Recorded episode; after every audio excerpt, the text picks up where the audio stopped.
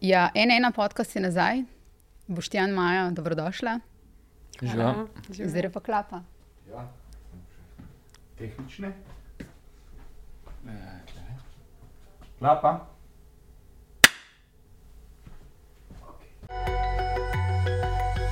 En ena podcast s Suzano Lovec. Uh, lep pozdrav vsem poslušalcem in poslušalkam, gledalcem in gledalkam. Uh, danes sta z nama uh, Maja, prijatelj Videmšek, delova novinarka, ki veliko piše o naravi, odnosu do okolja, živalih med drugim. In uh, Boštjan Videmšek, dolgoletni vojni poročevalec, v zadnjih letih pa tudi avtor kar nekaj knjig. Dobrodošla še enkrat. Hvala. Ja. Um, trenutno vam, uh, bo, vama bo išla vajna prva skupna knjiga. Knjiga o dveh poslednjih belih severnih nosoroginjah. Um, ta knjiga, ki sem jo ta teden prebrala, je nekaj izjemno, izjemno žalostnega in hkrati izjemno, izjemno lepega. Um, tako kot je veliko mhm. stvari v našem življenju, verjetno fulž žalostnih in hkrati zelo lepih. Um, tako da kar pretrese človeka, pa bi na, vaju za začetek vprašala, um, kako je biti ob dveh poslednjih severnih belih nosoroginjah. Uh, ja, tudi mi dva smo se najprej zjokala, ko smo jo obiskala prvič uh, v Keniji. Pač ti živali sta tako karizmatični, ne samo zaradi velikosti. Uh, ne moreš si pomagati, da, da ne bi ob njuni prezenci čutil uh, totalne krivde, ki jo je človeštvo. No, pač, uh, Totalne krivde človeštva za, za to, da je njuna vrsta tako rekoč že izumrla, hkrati pa, hkrati pa pač se počutiš blazno privilegiranega, da, da si obnima. No. Uh, pač res ta uh, posebni biti. Uh, In se še posebej je pa posebno zato, ker se niti ne zavedate, da ste zadnji in pač živite življenje severnih belih nosorogov, tako kot da bi bilo to nekje v naravi, v pač tem zadnjem pač njunem življenjskem prostoru v, v Kongu. Mhm. So bili zadnji. Veliko časa ste bili na terenu, najprej pripravite knjige, Boštjan. Ja, bila sva dvakrat v Keniji, v Olpedžeti, najprej tudi v Samburu, malo severno, hodila sva okoli, mislim, obiskvala sva elemente, ki se stavljajo Bioreski projekt. No, to je znanstveni konzorci, ustanovljen leta 2015, potem, ko je nekako postalo jasno, da vrsta ne more preživeti na, ne rečem, banalno, na naraven način. In potem so obiskovali znanstvenike in institucije in podjetja, ki so vključene v to, v Italiji, v Nemčiji, uh, na Češkem, živalski vrt, kjer sta se ona dve, kar je malo ironično v tej zgodbi na Džini in Fatu, poslednji dve severne belino sorogini rodili, ker sta že v bistvu. V, Nek češki zoolog in lovec v tistem času, ki je vodil živalski vrt, dvor Kraljova, je v nekem obdobju, kaj je nekako. 15 letih več kot 3000 živali uvozil no, na nek način iz Afrike v ful čudnem obdobju, v skrajno čudnih okoliščinah.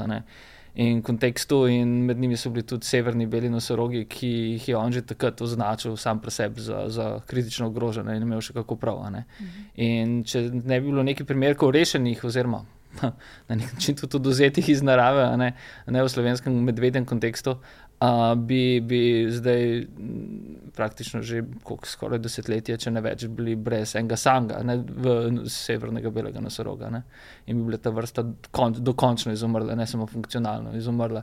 Funkcionalno izumrla pomeni to, da se naravno vrsta ne more nadaljevati, ker je poslednji samec Sudan umrl leta 2018. Uh, ampak.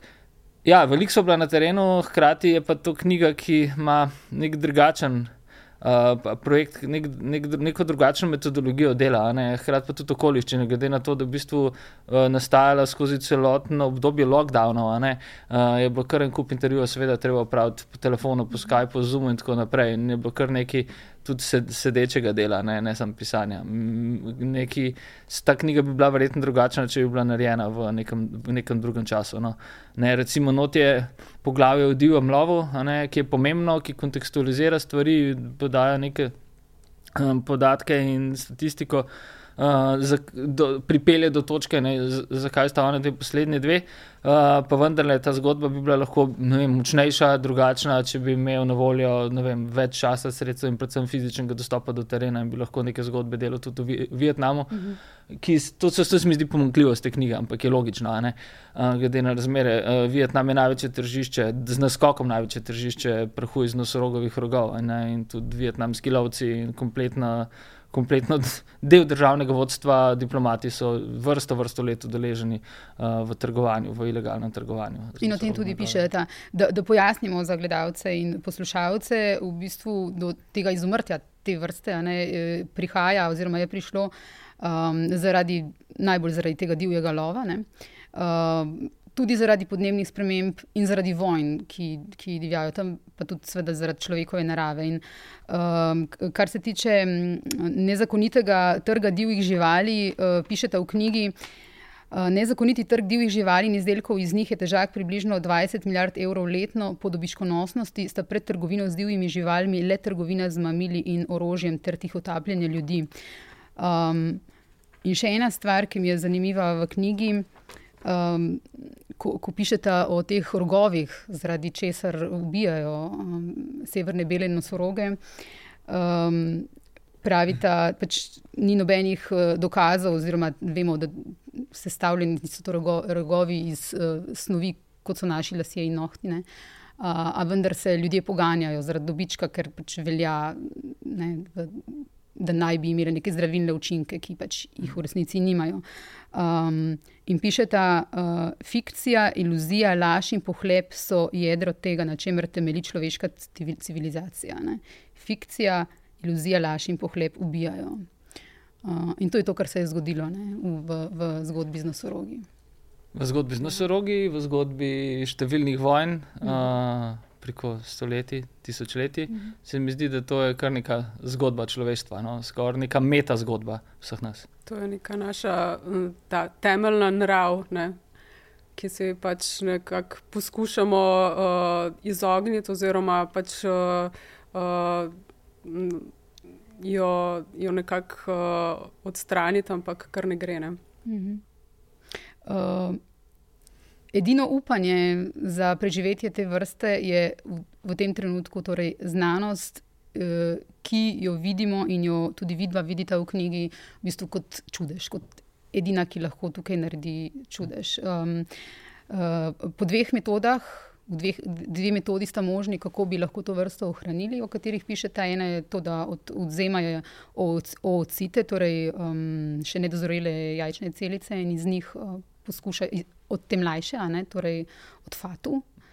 Uh, in da bi potem um, embrio, ko nastane embrio, ustavili, no, kar opiši tako. Predstavljaj si uh, deficitarne družboslovje, ki se lahko. Vse skupaj je zelo podobno uh, v bistvu, uh, ne, umetni oploditvi. Pri ljudeh, uh mhm. -huh. ampak uh, dejansko gre tukaj za uh, neko uh, izboljšavo metode umetne oploditve, ki se izvaja pri konjih. Uh, ta, ta konzorcij, uh, znanstveno naravoslovni, naravovarstveni BioRescue, uh, ki združuje znanstvenike in naravovarstvenike, ki so se uh, namenili, da bodo to vrsto uh, severnih belih nosorogov rešili, uh, so leta 2015 uh, oblikovali ta rešilni načrt uh, za to vrsto. In v bistvu je sestavljen iz dveh korakov. Prvi korak je, uh, da bi uh, iz uh, živih nosorogin, se pravi teh zadnjih dveh, Nadžin in Fatu, oduzemali jajčice, uh, jih v laboratoriju uh, dozoreli, uh, jih umetno oplodili spermo samcev umrlih severnih belih nosorogov, ki je shranjena v teh uh, kriobankah, se pravi teh zamr bankah zamrznenega življenja tako ustvarjali ta zarodek uh, severnih belih nosorogov in potem ta zarodek unesli v nadomestne matere, južne bele nosoroginje, ki so pač najbližje sorodnice. Uh, In tako naj bi dobili mladiča, uh, pač severnega belega nosoroga po 14 do 16 mesecih. Ne? Končno um, razumem. okay. uh, in to se, uh, to se še ni zgodilo. Oziroma, v knjigi vidva pravita, so... mi dva sva te ista in moliva, da se bo to zgodilo. Ja, Oni so uh, v tem italijanskem laboratoriju uh, v Kremoni ustvarjali do zdaj 14 zarodkov severnega belega nosoroga, ki so shranjeni uh, pač v tekočem dušiku in čakajo na pravi trenutek, da se jih unese v te mame nadomestne. Uh, ampak še prej, ker so pač ti zarodki tako dragoceni, bodo uh, uh, oziroma že poskušajo ne, z ustavitvijo zarodkov južnih belih nosorogov v te nadomestne samice. Uh, Ker pač morajo najprej videti, ne, kako pač so te nadomestne mame, uh, če, če se bodo zarodki sploh prijeli. Mm -hmm to se do zdaj, do zdaj še ni zgodilo pri nosorogih, da bi na tak način dobili mladiča. Uh, in to pač se lahko zgodi zdaj, zdaj. Tako, to leto, v roku nekaj mesecev. Uh, lahko pa tudi ne. ne. Uh, tako da smo vsi res v nestrpnem pričakovanju uh, in si želimo, pač, da se zgodi da bo najboljše. Da bo spal v nestrpnem pričakovanju. Ja. Uh, to je ta, ta ta, ta prvi steber, uh -huh. se pravi, da uh, v bistvu uh, oduzemajo jajčica od živih nosorogin, zdaj uh, ta starejša uh, mama, Nadžin, so uh, v etični presoji uh, tveganja. Uh, to je en tak pomemben del tega projekta, ki je res unikaten, ker vse, vse pač te postopke, ne, uh, ki jih izvajajo na njima, uh, presojajo tudi z vidika v bistvu, etične sprejemljivosti ne, uh, mhm. teh postopkov za te dve živali ker res ni samo umevno, da pač se ti postopki delajo na njima. Um, no, v glavnem pač. Um, V tej etični presoji so ugotovili, uh, da pač za dobrobit nadžin, ta starejša nosoroginja, ni več v redu, da bi pač uh, jo uspavali in oduzemali te ovcite. Poleg tega pa pač nobeden od teh zarodkov, ki so bili do zdaj ustvarjeni, še ni bil ustvarjen z njenimi jajčici. Mm. Tako da nadžin je upokojena. upokojena. in se veselo pase in veselo prdi.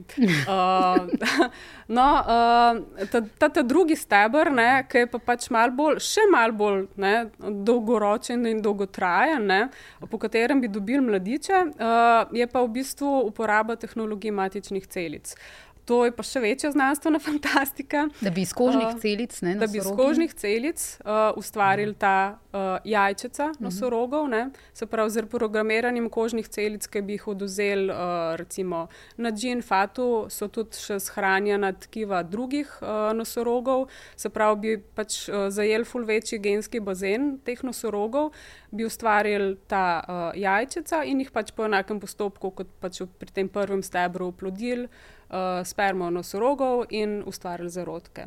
Tako da to pač je nek tak cilj. Mm -hmm. Znanost torej je uh, čudež in vira, kater, ki, jo, ki jo lahko imamo v 21. stoletju, ob vsem hudem. Uh, to je zelo težko reči. Ne? Znanost sama po sebi niti približno ne spremenja tega ključnega, ne, uh, na samih in okolja, v katerem živimo.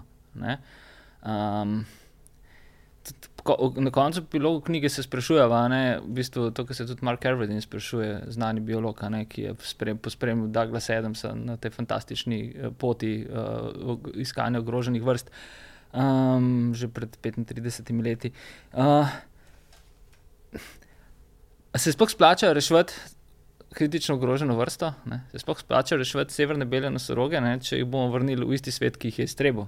Uh, In uh, ko bi rekel, znanost torej tudi, in posledično z njej tehnologija sta podobno kot v spopadu s podnebnimi spremembami, zgolj ena gigantska, prazna, um, skoraj vakumska posoda, ki če nima spremenjene uh, družbene paradigme, je praktično nedelujoča. Ne? Uh, lahko ponujaš. Uh, tehnične rešitve, oprašitve, sem skoraj rekel, vidiš. Ja, ja, krasen zdrs.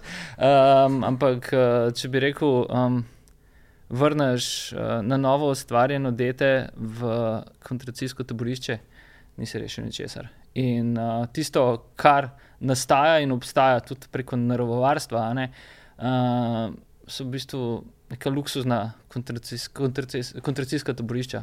Ne. In uh, bojim se, ne, da, da je ne mogoče biti optimističen v kontekstu reševanja uh, kritično ogroženih vrst. Ne. Vsekakor ne, je pa tisto, kar ponuja nač način, na katerega se rešuje severne bele nosoroge, uh, ponuja upanje, ne, ne samo v kontekstu tehnologije, ki bi, če bo se izkazala za uspešno, se kaže, da takšna je, lahko bila uporabljena za reševanje številnih drugih kritično ogroženih vrst. In teh je, kot pišete, živalskih 16. Znanih 16. Tako, 16 tisoč. Ja, ne, ki so v tem trenutku, ampak ta številka je res tako zelo varira. Uh, mislim, samo dejstvo, da je mogoče rešiti nekaj, kar je nerešljivo, utegne vplivati na spremembo družbene paradigme. No? Ne? Uh, nekaj, ne, ključ tega projekta je v resnici v ozaveščanju. Ne? ne gre samo za to, da se reši severne bele nosoroge in to ljudje, ki se s tem ukvarjajo, vse čas ponavljajo. V bistvu je smrt Sudana leta 2018, poslednjega samca, je v bistvu sprožila hotel ali ne hotel.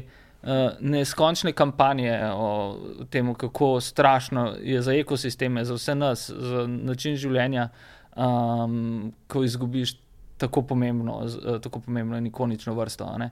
In v bistvu odziv na to je bil enormen, ne? Uh, pa je bila to res strašno tragična zgodba. Uh, končna. Ne? Če pa v bistvu pride do nekega vrste ustajenja, vrste, ne? je pa to lahko, seveda lahko, le upamo, kot te ista moliva, ponavljamo vse čas, ne, z obilico kognitivne in tudi moralne disonance ob tem, da uh, to utegne poskrbeti, če ne drugega, vsaj za izraziti kolektivni premislek o tem, kdo, kaj in kako smo. Podobno. Ja. Uh, ja, bi pač sem dodala tudi od uh, najni sogovorniki, ti znanstveniki, ki pač razvijajo te metodologije, skozi upozarjajo, znanost pač uh, je orodje, da, da pomagamo ne, vrsti, uh, severnim belim nosorogom ali pa tudi drugim. Ne. Se pa, ne smemo se pa zanašati izključno na to, ker pač, če bomo dejansko, uh, mislim, lahko uh, z današnjim znanjem, pa znanjem, ki bo uh, pač uh, tudi v prihodnosti uh, bodo, bo prišlo, ne, bomo rešili marsikatero vrsto. Ampak če ne bomo poskrbeli uh, za pač. Uh, uh, dobre razmere v naravnem okolju, njihovem, ne, uh, potem je mogoče pač to nesmiselno. Ne. Mm. Zato pa bo dejansko res treba spremeniti, korenito spremeniti uh, naše delovanje, pač podstat naše, našega uh, bivanja in delovanja. Maja, ti tudi sicer veliko pišeš o živalih, o odnosu do živali, okolja. Um, spremljala si tudi um, Napisala si vrsto člankov o dogajanju v klavnicah uh, v prejšnjih mesecih. Uh, ja, spodbujajo. Hm. Ja, um, kar so takrat uh, aktivisti poudarjali ob teh posnetkih, ki so iz klavnic uh, prišli v javnost, ne, um, so poudarjali, da uh, ne bi radi izpostavljali konkretnih podjetij, ampak da želijo spodbuditi javno razpravo o sistemski krutosti v, v tej industriji. Um, se ti zdi, da se je kaj premaknilo v družbi od takrat? Ha, ja, se mi zdi, da je po teh uh, ne, uh, obeh aferah, ne, ko smo mediji, novinari, določeni nekaj časa uh, gonili stvari naprej, pisali članke, uh, je bil tak občutek, ampak potem, pa, ko je zamrlo, se mi zdi, da pač, uh, je pa spet vse tako, kot je bilo. No. Mislim, da, da bi bilo dejansko o tej temi, ne vem, o tej. Res sistematizirani krutosti uh, do živali, k, pač, uh, uh, na kateri temelji živinoreja, množična, ne, da bi bilo treba uh, ogromno pisati, uh, ne na način, da boš nekomu uh, zapovedoval, da se mora spremeniti, da mora nehati jesti meso, ampak res bi bilo treba uh, veliko debatirati, izpostavljati različne poglede, uh, predvsem pa pač zahtevati od industrije, da bi bila transparentna. Mm -hmm. Uh, in o tem se še ne govori mm -hmm. dovolj. Ker marsikaj od tega, kar je bilo na posnetkih, bile so tudi kršitve, uh, ampak marsikaj od tega, potem, ko posnetke gledaš, v bistvu tudi stvari, ki so izjemno krute in ki te zaznamujejo, ko to gledaš, uh, so čist v, v skladu z zakonodajo. Ja. Mi smo tudi enkrat, eh, ko sem še delala na PopTV-ju, smo naredili um, eno celo oddajo, epilog uh, s posnetki iz klavnic. Dovolili so nam, da smo prišli in pogledali smo, in takrat so delali čisto vse po pravilih. In, um, želeli smo, ne da bi koga preprečevali naj ne je mesa, ampak uh, če jemo meso, kdo je meso, je mogoče um, v neki resnicoljubnosti pošteno, da se zaveda, kako to meso do njega pride. Uh, ne, ta odločitev je lahko čisto legitimna, ampak ne se sprenevedati, kakšen je postopek do tega, da meso na krožnik dobimo. Um, in v bistvu uh, ti posnetki kar zaznamujejo no, človeka, potem, ko jih gleda, težko ostane um, neprizadet. Um, Pred časom, pred dvemi tedni, smo objavili na NN intervju z uh, dr. Ožbaltom Podpečanom, vodjo Nacionalnega centra za dobrobit živali na veterinarski fakulteti tukaj v Ljubljani. Uh, in ta nacionalni center za dobrobit živali so uh, ustanovili lani, neposredni povod, kot je povedal, je bila pa prav afera v zvezi z neprimernim ravnanjem živalmi. Odkritim na prašiči farmi Ljutomerčan, je povedal. Ne? Tako da v bistvu neke stvari se spreminjajo. Mm. Uh, in tudi on nekako nekako da vedeti, da ravno tukaj, ko govorimo o živalih, ravno uh, v zvezi z živalmi, ki so gojene za zakol, bi se dalo mnoge postopke v bistvu. Uh, spremeniti na bolje. No? Ja, mislim, dejansko pač ne. Uh, Bi lahko tukaj marsikaj, uh, mislim, njihovo življenje, uh, saj za, dokler pač jih ne, uh, ne gredo v zakol, uh, izboljšalo. No? Ampak se pa bojim, da uh, ravno v bistvu s temi uh, posodobitvami, pa raznimi zasebnimi standardi, uh, ki jih industrija uvaja, standardi više dobrobiti, pa nam potem. Uh, nas, nam promovirajo, da prodajajo meso uh, piščancev, ki imajo izpust uh, uh, meso piščancev brez antibiotikov. To so take neki taki kozmetični ukrepi. No? Mislim, Uh, treba bi bilo pa dejansko uh, močno, močno zmanjšati obseg živinoreje. Ne govorim zdaj v Sloveniji, govorim, govorim na globalni ravni. Uh, poje se preveč mesa uh, v zaho zahodnem svetu, vse te bolezni. Uh, ki pač prizadevajo prebivalstvo, so pač posledica nezdravega načina prehranjevanja. In tukaj bi, mogel, tukaj bi morali v bistvu tudi uh, države, uh, mislim, ne vem, varuhi javnega zdravja na ta način naslavljati ljudi, da je treba. Uh, pač, če, če že jim ni mar za živali, kar pač ne, seveda ni razumljivo, ne, da jim pa naj bo mar za, uh, za svoje zdravje. Ja. Dejstvo je, pač, da poprečen slovenec poje preveč mesa in preveč predelanega mesa, uh, da živinoreja uh, vpliva tudi na podnebne spremembe, da je tukaj uh, močen ta vpliv. Uh, in da je pač v bistvu prava cena mesa bistveno višja, kot pa uh, je tista cena, ki je v trgovinah, ker je mhm. močno subvencionirana in pridelava, in krma. Uh, posledice pač te celotne verige pridelave so pa gromozanske in si jih ne zavedamo. Na nek mhm. način je zelo podoben, kot uh, ne vem, kaj stoji za, uh, za pridelavo bombažne majice ali pa kavbojk. Uh mhm. -huh. To za sabo potegne zelo krvavo sled pri živinoreji, pa še toliko bolj krvavo. In ena izmed cen, ki jo ne podarjamo, ne, tukaj imam jaz malo bolj radikalna stališča, ne, kot rekel, praktično celo življenjski vegi, ne, je, da ključna cena je psihosociološka, ne, uh, sociopsihološka. To, da kot nekaj popolnoma samoumevnega sprejemamo industrijsko uh, genocidno pobijanje živali. Ne. In se mi zdi, da je to tako zapisano globoko v, v naši vrsti, ne, da vpliva uh, tudi na nekaj drugega, ne samo na odnose mm. državljani, tudi mm. na medsebojne odnose. Mm. In z uh, kopiranjem vzorcev, uh, pobijanja nižjih vrst je tako globoko zasidrano v vseh nas. Mhm. Ta lahkotna samoumevnost, s katero pač ne rečemo, ok, ne, sej krava je pa rejna žival, je samoumevno, da pač jo jemo, da jo zakoljemo, da jo ne vem, uh, redimo prvezano v hlevu. Ne, uh, in ta, to razlikovanje ne, uh, z uh, hišnimi ljubljenčki, ki jih ja. imamo na ja. kavču, ja. uh, je kar grozljivo. Ja. Eh, znanstvenik uh, uh, Hal Herzog je napisal knjigo Some We Love, Some We Hate, Some We Eat. Torej, nekatere imamo radi, nekatere sovražimo, nekatere pa jemo, um, kjer v bistvu izjemno dobro pokaže na to neko nekonsistentnost in uh, paradoksalen odnos nas ljudi.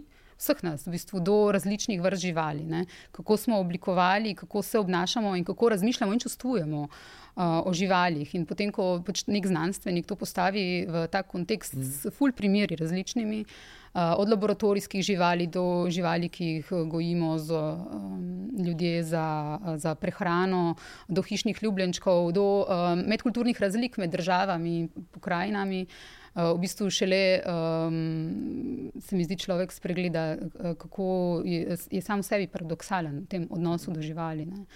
Um, prejšnji teden, oziroma ta teden, eh, se je zgodilo to, da, so, eh, da je Mačja hiša objavila. Ne vem, če ste videli eno, eh, eno objavo na Facebooku, ki se mi zdi, da je močno zaznamovala tako javnost. Um, v smetnjaku so našli um, Eh, enega mucka, ki je priživel, ob njem pa štiri mrtve muce, ker je pač mlade muce nekdo odvrgel v razbeljen smetnjak, kjer so se praktično pri živem telesu skuhali in umirali, hlastali za zrakom, štiri so umrli, uh, eden je preživel. Uh, kako v bistvu v isti družbi kjer imamo muce kot ljubljenčke, jih lahko nekdo, mlade mačke. Pač, kako, je, kako je življenje nekega ljubljenčka lahko ogromno vredno, za nekoga pa vredno nič. To, um... ja, razlikovanja so re, res že tudi znotraj ne, pač, uh, vrst, ki jih imamo za hišne ljubljenčke. Ne. Mislim, res smo pač uh, zelo. Uh, Inkonsistentni. No, tudi pred, in predvsem znotraj lastne vrste. Tudi eno Seveda. življenje bistveno več vredno kot kakšno drugo. Ne? In kot ne vem, nekdo, ki preko 20 let spremlja pobijanje ljudi med seboj v živo, ne mm. reče spremljati pobijanje v živo. Um, sem se tu pač zelo, zelo prepričal, zato sem naredil prej tisto neke vrste analogijo, ne? mm -hmm. da v bistvu industrijsko pobijanje je nekako nam je zelo blizu, tako ali drugače. Uh, ko je pa treba uh, sprejeti odločitev in biti sam morilec, ubijalec, so pa stvari bistveno drugačne. Ne? Ko lahko preneseš odgovornost na sistem, na nekoga drugega, ne? ko si lahko le banalno zloben, uh, pa zlobno banalen, uh, so stvari bistveno, bistveno lažje, ne? ko si samo nema priča takih in drugačnih genocidov.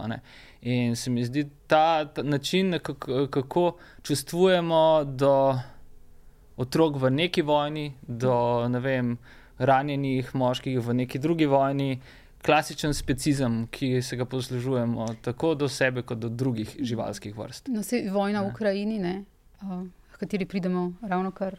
Uh, je razkrila to, ne, kako smo v bistvu kontradiktorni, um, nenačelni, um, kako, smo, kako je slovenska družba, ne bom govorila v prvi osebi. Uh, um, in prav je, da je sprejela begunce z naklonjenostjo, uh, in kako smo se hkrati lahko zavedali, kako, s kakšno izjemno jezo, nenaklonjenost, ne sprejema nekih drugih beguncev, oziroma v njih ne vidi enakih ljudi, kot jih vidi recimo beguncev, v beguncih v Ukrajini. Boštjan, ti si. Um, Bil dolgoletni dopisnik uh, z vojnih žarišč, videl si v bistvu grozote, ki jih nihče ne bi smel videti. Um, spremljal to v živo, kot praviš, dolgo časa zdaj nisi šel. In ta, to, da si potoval zdaj v Ukrajino in bil v, v Ukrajini, ko je, ko je vojna tam divja, uh, nas je vse malce presenetilo. Kako to, da sta z Juretom, fotografom Reženom, um, se odločila in nekako Zdelo se je, kot da v bistvu si se odločil, da ne boš več hodil, hodil na krizna žarišča, potem pa si šel. Ja. Boš malo, boš ti povedal. Zdelo se je. Šta kaže struka? Ja. Ne. Zasvojenost, ne. Ne, ni za, ja, mislim, zasvojenost je bila nekoč mogoče prisotna. Ne. Uh, ta zgodba je preprosto preblizu. Um, preveč uh, elementov ima, ki uh, jih spremljam vse čas svojega novinarskega dela. Ne. Eh, od geopolitičnih do uh, povezanih z, z energetiko, do seveda socioloških, političnih, ekonomskih, da bi to zgodbo lahko preprosto uh, ignoriral. Ampak uh, absolutno, ne, pa, če pogledamo geografijo, no, destinacije, uh, poročane na enega z Juretom, iz, Rženom, ne, uh, iz Ukrajine, uh, so se pač izogibala frontnih črt ne, in tudi prihodne namerava biti tako, zato ker se mi zdi, da pač a, zato nimam več poguma zato sem prestar, pač biti dobrovoljni poročevalec, moraš biti gnan s hormoni ne, in se ne sprašovati v naslednjem dnevu. No. Se mi zdi, da takoj, ko se preveč ukvarjaš, res preveč, ne, ukvarjaš z lastnim udobjem in um, pre, radikalno uh, tvegaš, ne. Mislim, ko se izogibaš tako, ko radikalno racionaliziraš tveganje, potem si v resnici še bolj izpostavljen in s tem ne moreš upravljati dobro več tega dela. Ne? Že pred leti sem se pač odločil, ne samo v kontekstu vojnega poročanja, da vsaka stvar, vsaka zgodba, ki jo delam, mora biti osmišljena in kontekstualizirana. In uh, ukrajinska zgodba se mi zdi taka, da jo preprosto ne morem ne gledati od delača. Ne? In recimo naslednja, ki bo z Juratom gotovo delala v naslednjih tednih, je prva vojna žetev govorimo o prehranski krizi, o prehranski varnosti. Več sto milijonov ljudi, ruska blokada Črnega morja, vojaška, sedem pristanic zaprtih, 25 milijonov ton pšenice, drugih žit gnije, 400 milijonov ljudi, plus je prehransko, eksistencialno odvisnih od, od ukrajinskih žit, predvsem na Bližnjem vzhodu, v Severni Afriki in tudi pod, pod Saharski Afriki.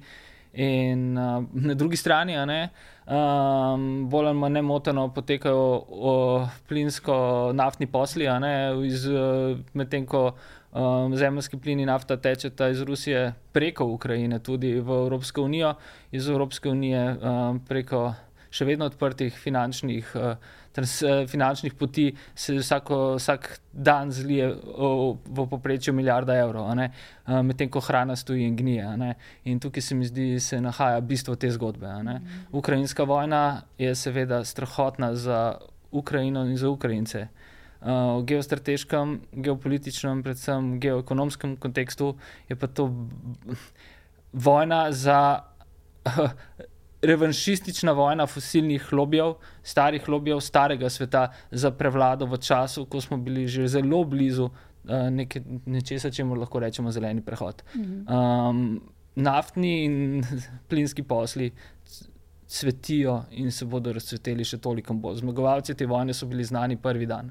In to je, to je skupina OPEC, Saudska Arabija, Rusija, finančno, Rubel je bistveno močnejši kot v začetku vojne, kaj nam to pove o sankcijah, bože mili, uh, in uh, seveda Združene države s svojo energetsko samopreskrbnostjo in z velikim pušom frackingu, hidrauličnemu lomljenju, s tem pridobivanjem zemljskega škrilovca, s tem pridobivanjem uh, zemljskega plina. Uh, Evropska unija pa z manjkom svoje, kakršne koli zunanje politike, energetskega razmisleka in kakršne koli unitarnosti, v bistvu uh, gnije v lastni impotenci v spopadu bistveno večjih sil in silnic. Uh, ost, si tukaj pesimist ali neko upanje obstaja? Vidva vse čas v bistvu in v tej knjigi, in tudi sicer v tvoji prejšnji knjigi ne, uh, o podnebnih spremembah, in plan B je naslov knjige, uh, ohranja ta neko upanje, ohranjaš neko upanje, v bistvu uh, pokažeta na te neke zglede, uh, ki bi lahko vodili na rešitve. Ne, uh, Tudi če sveta ne moramo rešiti, in zdi se nam, da, da ga ne moramo rešiti, v bistvu lahko rešujemo neke delčke sveta in s tem ohranjamo del sebe. Se, to se mi zdi vajno sporočilo in tudi sporočilo, recimo, tvoje prejšnje knjige. Um, se ti zdi, da tle pri podnebnih spremembah, da obstaja še neko upanje? Če zanemarimo zadnje poročilo Mednarodnega panela za klimatske spremembe pri Združenih narodih, potem da. Ampak ker ga ne moremo ja, zanemariti. ne. Ja. Um, Pri planu B, ne, sva z Matjažom Krivicom, ki tudi so avtor te knjige fotografsko, ne, uh, so se odločili za neke vrste, kot temu rekel, konstruktivni žurnalizem. Ne, um, glede na znanje, izkušnje, vedenje, terenski pristop in rekel, dolgoživost, karjerno, profesionalno, ne, um, se mi zdi, da v tem poklicu postavljati samo vprašanje je izrazito etičen greh. Eh, če imaš znanje in še kaj več, potem moraš ponuditi odgovore. Ne? Novinarstvo ni postavljeno vprašanje, to se mi zdi kretenizem prvega razreda. Najlažje na svetu je A postavljati vprašanje, B drugo najlažje je zgolj opisati posledice, off. Kaj to? To ni nič. Mislim, če hodimo okoli, aha, tam je en mrtev, a ja, kako se počutite, gospod, pridem domov in govorim, kaj sem videl. To s tem nisem naredil nič in velik del življenja sem delal samo to. Mm. Pa, pa se skupaj še uravno, ja. moraš uravno. Pa, pa še uravno teže. Ja. Pa... Mrtvi pa mi žal ni dal ja. izjave. Ne? To ni nič, to ni nič, to ni novinarstvo, to, ni, to je in v času ne, uh, črno-bele logike, bipola, uh, radikalne bipolarne kolektivne motnje, tako na lokalni, regionalni kot na globalni ravni. Je še toliko bolj potreben, angažiran, aktiven, proaktiven poseg v družbo. Uh, novinari moramo biti družbeni akteri ali pa ne upravljamo svojega dela. Mhm. Uh, kdo je, ali vse, še obstaja kakšen poklic, v katerem je vsakodnevno agresivno samo izobraževanje bolj potrebno kot v našem? Meni se zdi, da ne. ne? Uh, vrsto ljudi poznamo, ki so bili, kako rečem, intelektualno superiorni uh, po uh, končani fakulteti, ko smo bili isto stari. Zastali so v razvoju, ker se niso uh, izobraževali še naprej, tako ali drugače, ne, ne, ne, ne formalno. Ne? In uh, ker so nehali brati, ne? ker so v bistvu prišli do neke točke, ok, to je to, zdaj pač lahko živim svoje udobne življenje srednjega razreda, ma jebite se, to ni nič. A, a veš kaj, v bistvu, uh, sem vam napovedala, da, da vaju nameravam mhm. vprašati tudi o človečnosti in o čustvih v novinarstvu. Ne? Ker zdi se, da se. Vse... Oste res, oste res. uh, se že izlil. Zdi se, zdi se. Uh, da, da, da si, ali pa da smo, ali pa da novinari uh, čim pokažejo ob svojem delu neko čustva, ali pa neko um, željo, da ljudje ohranimo človečnost, ali pa um, neko angažiranost v smislu, um, da ti ni vseeno za ljudi, o katerih pišeš, za živali, o katerih pišeš, da ti ni sploh vseeno. Si označen tako kot nek naivnež. Ne? Uh, ali pa aktivist. Ali pa aktivist. Ne? Čeprav v bistvu se ne zauzemaš za nič drugega, kot za to, da dajmo ohraniti človečnost, da so vsi ljudje enaki, da ne krši človekovih pravic. In me zanima tukaj, kako doživljate to. Ali ni to nek predpogoj, da si ti si pač povedal z ostrimi besedami, to Maja. Ali ni torej to nek predpogoj, da lahko novinari sploh dobro upravljamo svoje delo, to, da ohranjamo čustva ob tem, Absolutno. kar delamo? Mislim, če, če pa tebe kot novinarja več stvarne gane, ne, ker je res nevarnost dejansko v, tej, uh, v tem presingu, da moraš vsak dan sproducirati ne, nek izdelek novinarski, ne, potem je pa vse, vse brez veze. Hmm.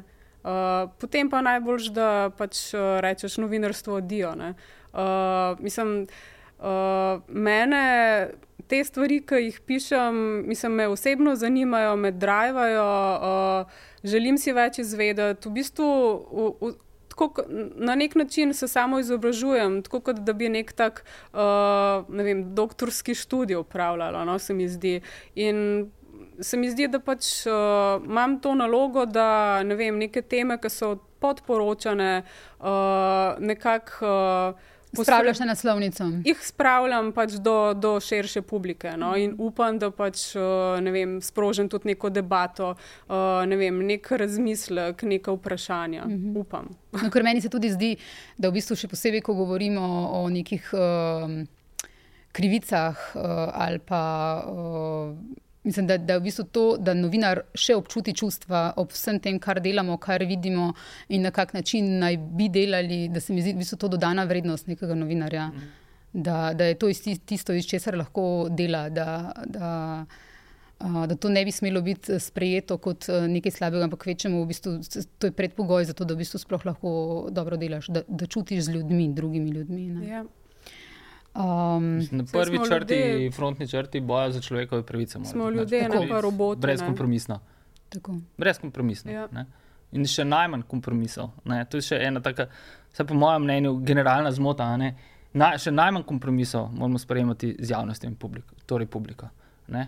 Ker ne mudoma, ko se to zgodi, ne, uh, postaneš hibrid. Uh, všečna komunikacija z javnostjo, ni novinarstvo, je PR. Maja, se strinjaš? Ja, pa ta, mislim, ta udor neke res uh, ne vem, politične korektnosti, pa poleranja uh, ne, pač, uh, novinarskih člankov, mm -hmm. uh, taki neki uh, subtilni pritisk, mislim, niti ne pritiski, ampak v bistvu že samo cenzura je tako razpasena, da uh, pač so, je ogromno novinarskih izdelkov, uh, ki so birokratski. V bistvu so, uh, so, kako bi rekla, impotentni. Uh mhm. -huh. Mislim, v bistvu so generični, ne? tako kot da bi jih pisali roboti. Ne? No, sej, potem v bistvu, novinarji sami sebe v bistvu ukinjamo, ne? kar je fulž žalostno in proti temu se je treba boriti. Um, čist en ekskurs uh, izven tega, ko smo prej govorili o podnebnih spremembah, Boštjan. Uh, Ali imaš ti zaradi uh, svojega pisanja, zaradi knjig in, in vsega, uh, tudi veliko potuješ, veliko tudi z letalom, ali imaš zdaj slabo vest? Ves čas. Ves čas, zaradi ogličnega odtisa, ki ga s tem spuščaš? Ne samo zaradi ogličnega odtisa. Okay, kako si se tukaj zmenil sam s sabo? Nisem se zmenil, skozi je prisoten ta, ta kognitivna disonanca. Izrazita je. Um, če bi se zmenil sam s sabo, po mojem, ne bi imel pravice tega delati. Zdaj, ko bi rekel, uh, kriv, da deluje kot OCD in OCD je moja gonilna sila. Ne? Ne morem si zares pomagati, hkrati pa tudi ne želim. In se mi zdi pravilno, da je tako. Sej, veš, seveda, giga, verjetno je oglični vtis gigant, gigantski, ne? ampak uh, poskušam z raznimi drobnimi odpustki, ampak to ne gre. Ne? Individualne krivde se uh, ne da pretirano umiliti, ker je v nekem širšem kontekstu. Uh, kako bi rekel, uh, res minorna. Ne? Ampak so, so drugi problemi. Ne? Po tolikih letih pisanja in poročanja vem, o tragediji drugega, ne, so je bil ne vedno, veliko krat prisoten občutek izrazitega mrhovinarstva, mm. da, v bistvu, da se pasem po kupih trupel in od tega ugodno živim. Mm. To je precej slabši občutek kot to, ko letim z avionom in ugotovim, da oh, to je bilo pa tok in tok, to je CO2 ja danes, ne bravo. In tisti, tisti ki uh, pišeš o nujnosti spopadov s podnebnimi spremembami, celo ponuješ rešitve za to, medtem ko letiš to je vse čas prisotno. In uh, sam sabo v, v, med štirimi stenami uh, se nikakor ne počutim uh, moralno superiorna, vse preko to. Um, gremo k neki lepši temi, če je lepša tema, te bom tukaj spustila. uh, Vidva sta posvojila, uh, ne tako rečem, če lahko tako rečem, problematičnega psa. Milo rečeno. Milo rečeno, problematičnega psa. Posvojila sta ga z namenom, ravno zato, ker je problematičen in ker ga verjetno nihče drugi ne bi. Ne. ne? v bistvu pač naj sem spominjal na najno pokojno lady. Okay. Uh, uh, nista vedela, da je tako uh, dejansko sva padla na, uh, ne, na vides. Ne, na podobnost. Ne, Tako pač, kot vedno, ko se človek zaljubi. Lehpičke, ne. Um, ah, uh, vidiš, ona ni tako sofisticirana. Govedo. Ja, uh, nismo vedela, vedela ja. smo, da je problematičen, nismo pa vedela, da je toliko problematičen, niti najbrž nihče drug uh, od teh, k, uh, pri katerih je bil, oziroma ki so ga preuzgajali, ni vedel, kako problematičen je. Uh mhm. -huh. Ampak meni se zdi to še ena eh, vajna zgodba o upanju. Skratka, imamo tukaj psa, ki je izjemno problematičen, ki je. Tebe, kolikrat, osemkrat ugrizel? Ja, imajo pa trikrat. Imajo pa trikrat v prvih šestih mesecih. Vseeno sta se odločila, da v bistvu za tega psa skrbita. Um, no, po... Kaj, kaj, oprosti, imajo? Ne, kar povej. Ja, kaj vam ta uh, pes, uh, psu je ime Loto, ne? oziroma Lotus, uh, ki ste ga povedali? Uh, uradno v potnem listu je Lotus, ne, ampak. Ja. Res ni nek zem budist. Tako da, tako da je loto. loto, ja. loto. Kaj vam je loto dal in kaj lahko recimo neka taka zgodba s takim psom um, da tudi komu drugemu? Ja, uh, poleg teh enajstih ugrizov, ne, nama uh, in uh, dveh let, oziroma okay, enega leta, ko smo se bala premikati po stanovanju prosto, ne, uh, se mi zdi, da, da nam je dal tako neko. Uh, Uh, res lepo lekcijo, uh, da se z ljubeznijo da, ne vem, marsikaj pač uh, prebroditi. No? Da, uh, da dejansko v bistvu, uh, da imamo toliko ljubezni, da imamo toliko potrpljenja, uh, da, da lahko v bistvu tudi ta zga psa uh, narediva za srečnega in mi dva sva dejansko. Uh, zdaj je tudi srečna, ne? kljub temu, da, nekdo, mislim, da ljudje še zmeraj ne morejo k nama normalno na obisk, mm -hmm. da, da pač je treba, uh, da je treba zelo paziti ga zunaj. Yeah. Ja. Uh, da, da pač ne bo nikoli popolnoma. Ampak vaju je zdaj sprejel. Ne? Naj jo sprejel, ampak loto je tako kot ljudje, no? vsak dan ima neke muhe. No? Mm. Tako da pač je treba te muhe upoštevati, tudi on nekako. Uh, Recimo, da naj ne muhe upošteva. Postal je sposoben se samo omejevati. Mm -hmm. Vidiš, da bi te šalsno, pa se reče, oši, to bo pa pol beda, pa ga rajš pod mizo. Zdaj je v bistvu hrano nekako, uh, uh, malo je pretehto, ne, te slabe pa dobre stvari. Na začetku mu hrana sploh ni bila nikakršen, uh -huh. uh, ne, nikakršna spodbuda, ne. zdaj pa sva ga navlekla na priboljške in se mi zdi, da pač presod, da okay, če bom pa ugriznil, ne, potem pa najbrž ne bom dobil tistega obroka naslednjega ali pa priboljška. No. Uh -huh. Tako pač začel je malo razmišljati no, uh -huh. v tisti kosmati glavi, zmešani. že to, da postane um, tako zverina, del podcasta, veš, je kaže na njegovo izrazito posebnost. Ampak Ja. me, meni se zdi pač to dobra paralela, tako uh, tudi sicer z življenjem. Pač, da, to, kar si rekla, ne, da če do, dovolj dolgo časa daš smeš neko ljubezen, da mogoče, če imaš dovolj ljubezni, da se lahko marsikaj premaga. Ne. Tudi, tudi neka izrazita problematičnost. Da v bistvu je ljubezen ali pa skrb za nekoga, za nekaj, mm. uh, tisto, kar lahko reši. In, To problematično stvar, mogoče tudi človeka samega. Ne? Absolutno. No, potrpežljivost, pozornost, pa ustrajnost, no, mm -hmm. ne, še zraven, pa neka čuječnost, ki jo mm -hmm. pač taka žival zahteva. No. Mm -hmm. In pol to učenje vedno znova. Pisanih in nepisanih pravil, pravil sobivanja. No. E, je to izrazito dobro. Postavljanje mej. Ja, in prestavljanje tudi. ne, Ampak, uh, ja, ja vse čas. Ne, tako, neka, neka taka kalibracija, pač silite v to, ta pes te uči, mislim. Vsak, kot vsaka relacija, a ne, te uči biti boljši in pametnejši, no, če si pripravljen na to, če ne ustrajaš na okopih. Ker če bi kle ustrajala na okopih, bi zdržala 14 ur, Uh -huh. glede na to, da prvi gris je bil prvo jutro. ne. Mhm. In to silovit, poskus eksekucije v resnici. ne. Mhm. Da.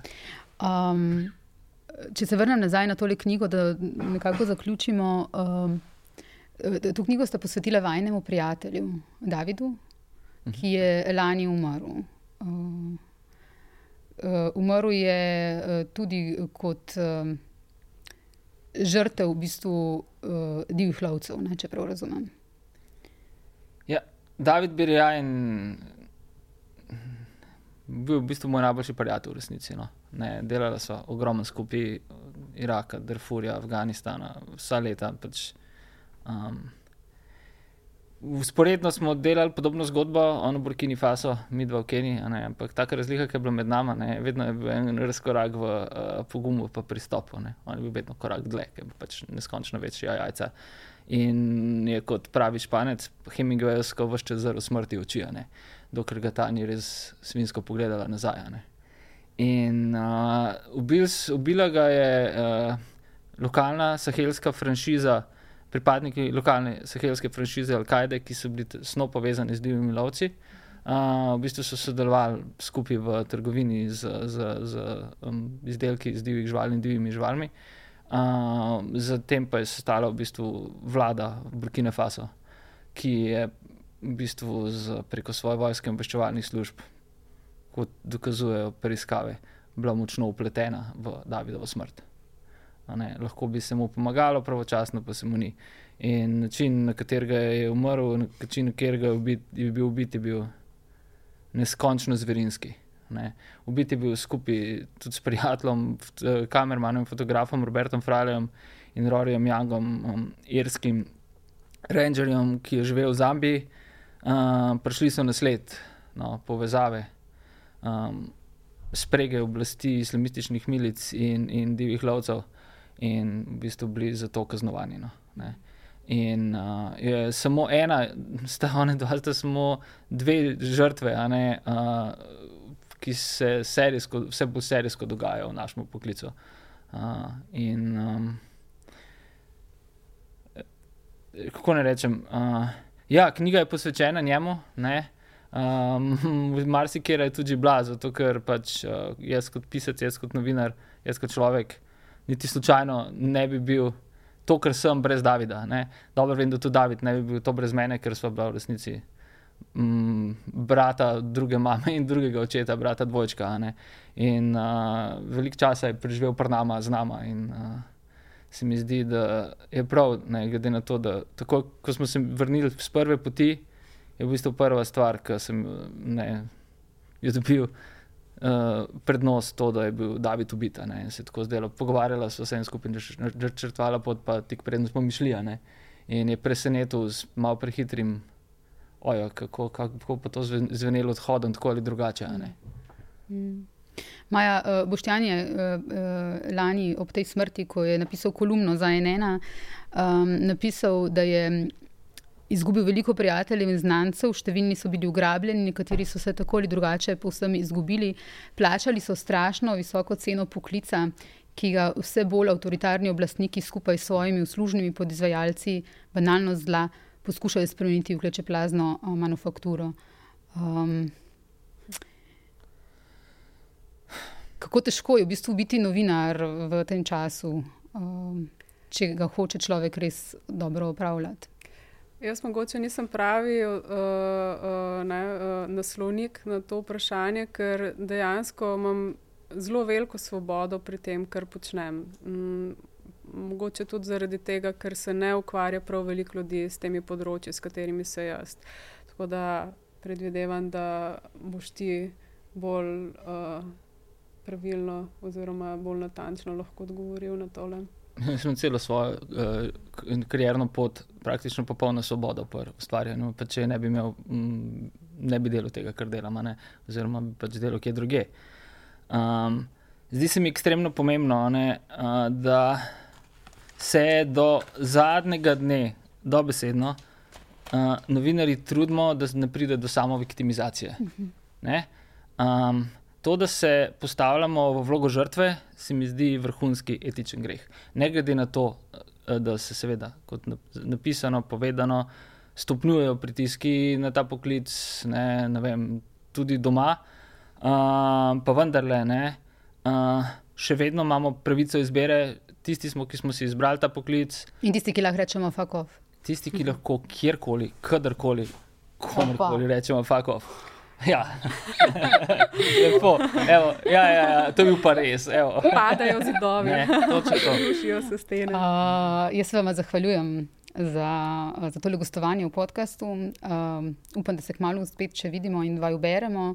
Uh, hvala tudi gledalcem, gledalkam, bralcem in bralkam. Uh, za konec bi mogoče prebrala samo še uh, nekaj izvajne knjige, kjer ste napisali, da upanje obstaja. Uh, um, da za to gre za nekaj, kar se splača živeti, da tu je treba najti eh, nekaj, nekaj, kar pljuva v obraz cinizmu, sarkazmu, nihilizmu, ravnodušnosti, mlačnosti in apatiji. To govorita za reševanje teh dveh poslednjih nosorogin.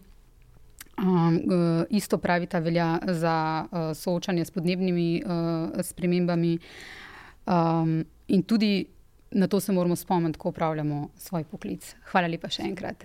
Hvala. Hvala ti. Razpadlo nam je studio.